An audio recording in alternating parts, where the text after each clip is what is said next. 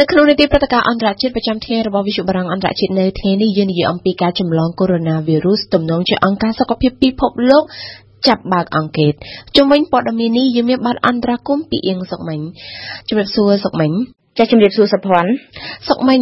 ក្រមជំនាញអន្តរជាតិរបស់អង្គការសុខភាពពិភពលោកបានទទួលការអនុញ្ញាតពីអាជ្ញាធរចិនឲ្យចូលទៅធ្វើការស៊ើបអង្កេតអំពីកូវីដ -19 នៅកន្លែងផ្ទាល់តែម្ដងអឺតើអ្វីជាបេសកកម្មជាក់ស្ដែងរបស់ក្រមជំនាញអង្គការសុខភាពពិភពលោកដែលទៅនឹងអញ្ជើញទៅដល់វូហាននៅថ្ងៃនេះចា៎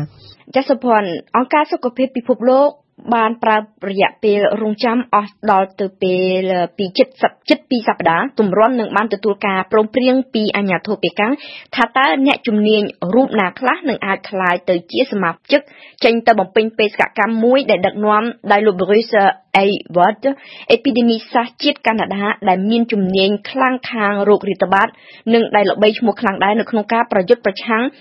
នឹងជំងឺរាតត្បាតអេបូឡានៅអាហ្វ្រិក។ ឥឡូវពួកគាត់បានទទួលភ្លើងខៀវហើយហើយក៏នឹងបានអញ្ជើញទៅដល់វូហានដែរនៅថ្ងៃនេះដើម្បីបំពេញបេសកកម្មអង្កេតស្រាវជ្រាវអំពីមេរោគកូវីដ -19 ថ្មីពីព្រោះដោយសុភ័ណ្ឌដឹងស្រាប់ថាមកទល់នឹងពេលនេះគេនៅមិនទាន់ដឹង ដោយច្បាស់លាស់អំពីប្រភពចម្លងនៃមេរោគកូវីដដំបូងទេក្រុមអ្នកជំនាញអង្គការសហប្រជាជាតិក៏នឹងមានបេសកកម្មមួយទៀតគឺត្រូវវិយតម្លៃថាតើវិធានការរបស់រដ្ឋាភិបាលចិននិងពិសេសចំណាត់ការបិទទីក្រុងដើម្បីទប់ស្កាត់មេរោគនិងការរាតត្បាតនៃកូវីដ -19 មានផលប៉ះពាល់យ៉ាងណា ចាសសុកមិញចំនួនអ្នកស្លាប់ដោយកូវីដ -19 បានកើនឡើងដល់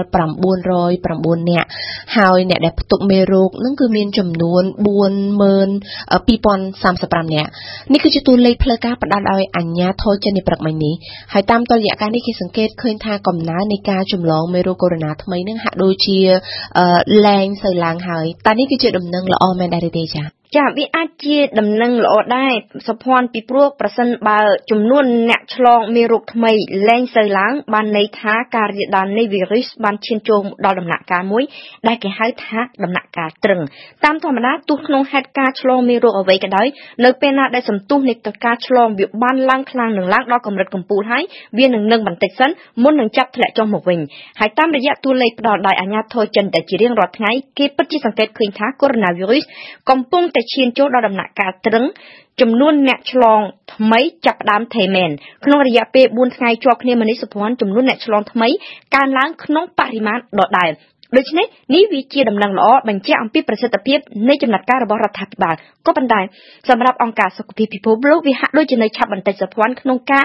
ដែលចេញសេចក្តីសន្និដ្ឋានមួយបញ្ជាក់អះអាងថាកូវីដ -19 បានរីករាលដាលឡើងដល់កម្រិតកំពូលហើយឬនៅនោះបើតាមអ្នកជំនាញផ្នែកអេពីដេមីសាស្ត្រជាតិអាមេរិកវិញដែលគេលោកក៏ល្បីខ្លាំងខាងផ្នែកប្រយុទ្ធប្រឆាំងនឹងវីរុសនៅលើពិភពលោកដែរនោះការរីករាលដាលរបស់កូវីដ -19 ពេលនេះទំនងជាដល់កម្រិតកំពូលនៅមុនចុងខែកុម្ភៈឯណោះលោកដែលទើបតែនឹងបញ្ចប់បេសកកម្មនៅក្នុងខេត្តខ្វាំងតុងនិងត្រឡប់មកដល់ទីក្រុងញូវយ៉កវិញបានបញ្យល់បន្ថែមទៀតថាកូវីដគឺជាវិបត្តិសុខភាពដែលពុំធ្លាប់កើតមាននៅក្នុងប្រវត្តិសាស្ត្រទេហើយដែលបានធ្វើឲ្យប៉ះពាល់យ៉ាងខ្លាំងបំផុតដល់ជីវិតមនុស្សនិងសេដ្ឋកិច្ចពិភពលោក សេដ្ឋកិច្ចចិនយ៉ាងខ្លាំងមែនទែននៅសប្តាហ៍នេះនិងសប្តាហ៍ក្រោយពលរដ្ឋនឹងចាប់ផ្ដើមសកម្មភាពការងាររបស់ពួកគេឡើងវិញជាបណ្ដើបណ្ដើហើយបន្ទាប់មកនឹងមានសិស្សនិស្សិតក៏នឹងចូលកងវិញទៀតតែបើគេយល់ទៅលើរយៈពេលសំងំរបស់ virus corona ថ្មី ហើយបើវិធានការបំបែកអ្នកមានផ្ទុកមេរោគដាក់ឲ្យនៅដាច់ដោយឡែកពីគេមានប្រសិទ្ធភាពមែននោះគេនឹងអាចសង្ឃឹមបានថាការរីករាលដាលនៃមេរោគកូវីដថ្មីនឹងចាប់ផ្ដើមថយចុះនៅចុងខែក៏ប៉ុន្តែប្រសិនបើវិធានការពុំមានប្រសិទ្ធភាពទេនោះការរាលដាលច្បាស់ជានឹងផ្ទុះឡើងវិញជាក់ជាមិនខានចាសសុកមិញអឺបានន័យថាសប្តាហ៍នេះគឺជាពេលវេលាដ៏សំខាន់ខ្លាំងក្នុងការប្រយុទ្ធប្រឆាំងទៅនឹងកូវីដ -19 ចាមែនហើយបើសិស្សនិស្សិត ត្រូវបន្តវិស្សមការបន្ថែមទៀតហើយអ្វីបើខេត្តក្រុងខ្លះជាពិសេសខេត្តហ៊ូពេឬក៏ទីដែលមានទីក្រុងឈ្មោះថាវូហានបន្តជាប់បំរាម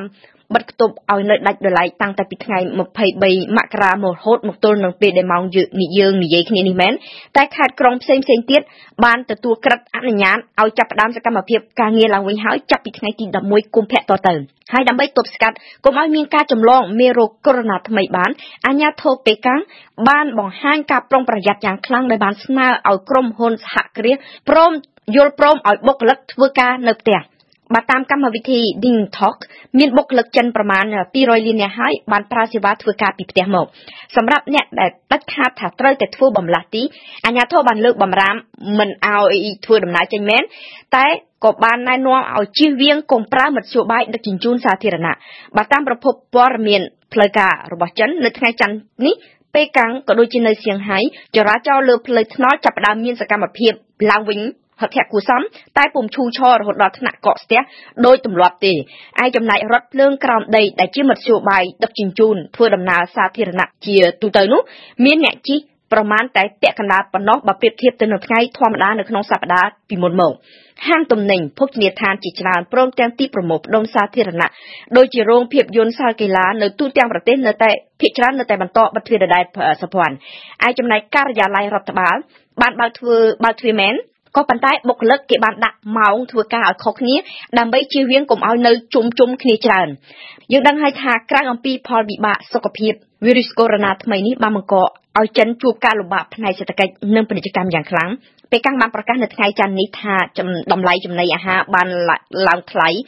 20%នៅខែមករាផលវិបាកវាមិនមែនកម្រិតត្រឹមតែក្នុងរង្វង់ព្រំដែនប្រទេសចិនទេក្រុមប្រទេសដែលកំពុងមានសេដ្ឋកិច្ចលូតលាស់ខ្លាំងនិងរំពឹងជាច្រើនទៅលើចិននោះក៏កំពុងតែចាប់ផ្ដើមរងផលវិបាកពីវិបត្តិកូវីដ -19 ដែរប្រទេសជិតខាងនៅក្នុងតំបន់រងគ្រោះមុនគេជាពិសេសម៉ាឡេស៊ីនេះបើតាមអ្នកវិភាគ Natixis ហើយក្រុមប្រទេសនៅតំបន់អាមេរិកឡាទីនមានជាអាចប្រេស៊ីលឈីលីប៉េរូក៏ទទួលឥទ្ធិពលអាក្រក់ពីកូវីដ -19 នៅចិនលើការនាំចេញរបស់ខ្លួនរួចជាស្រេចទៅហើយរុស្ស៊ីកូរ៉េខាងត្បូងឬក៏ទូគីក៏នឹងអាចទទួលរងផលប៉ះពាល់ពីវិបត្តិកូវីដ -19 ចិននេះដែរអរគុណសុកមិញចំពោះបទអន្តរាគមន៍នៅថ្ងៃនេះ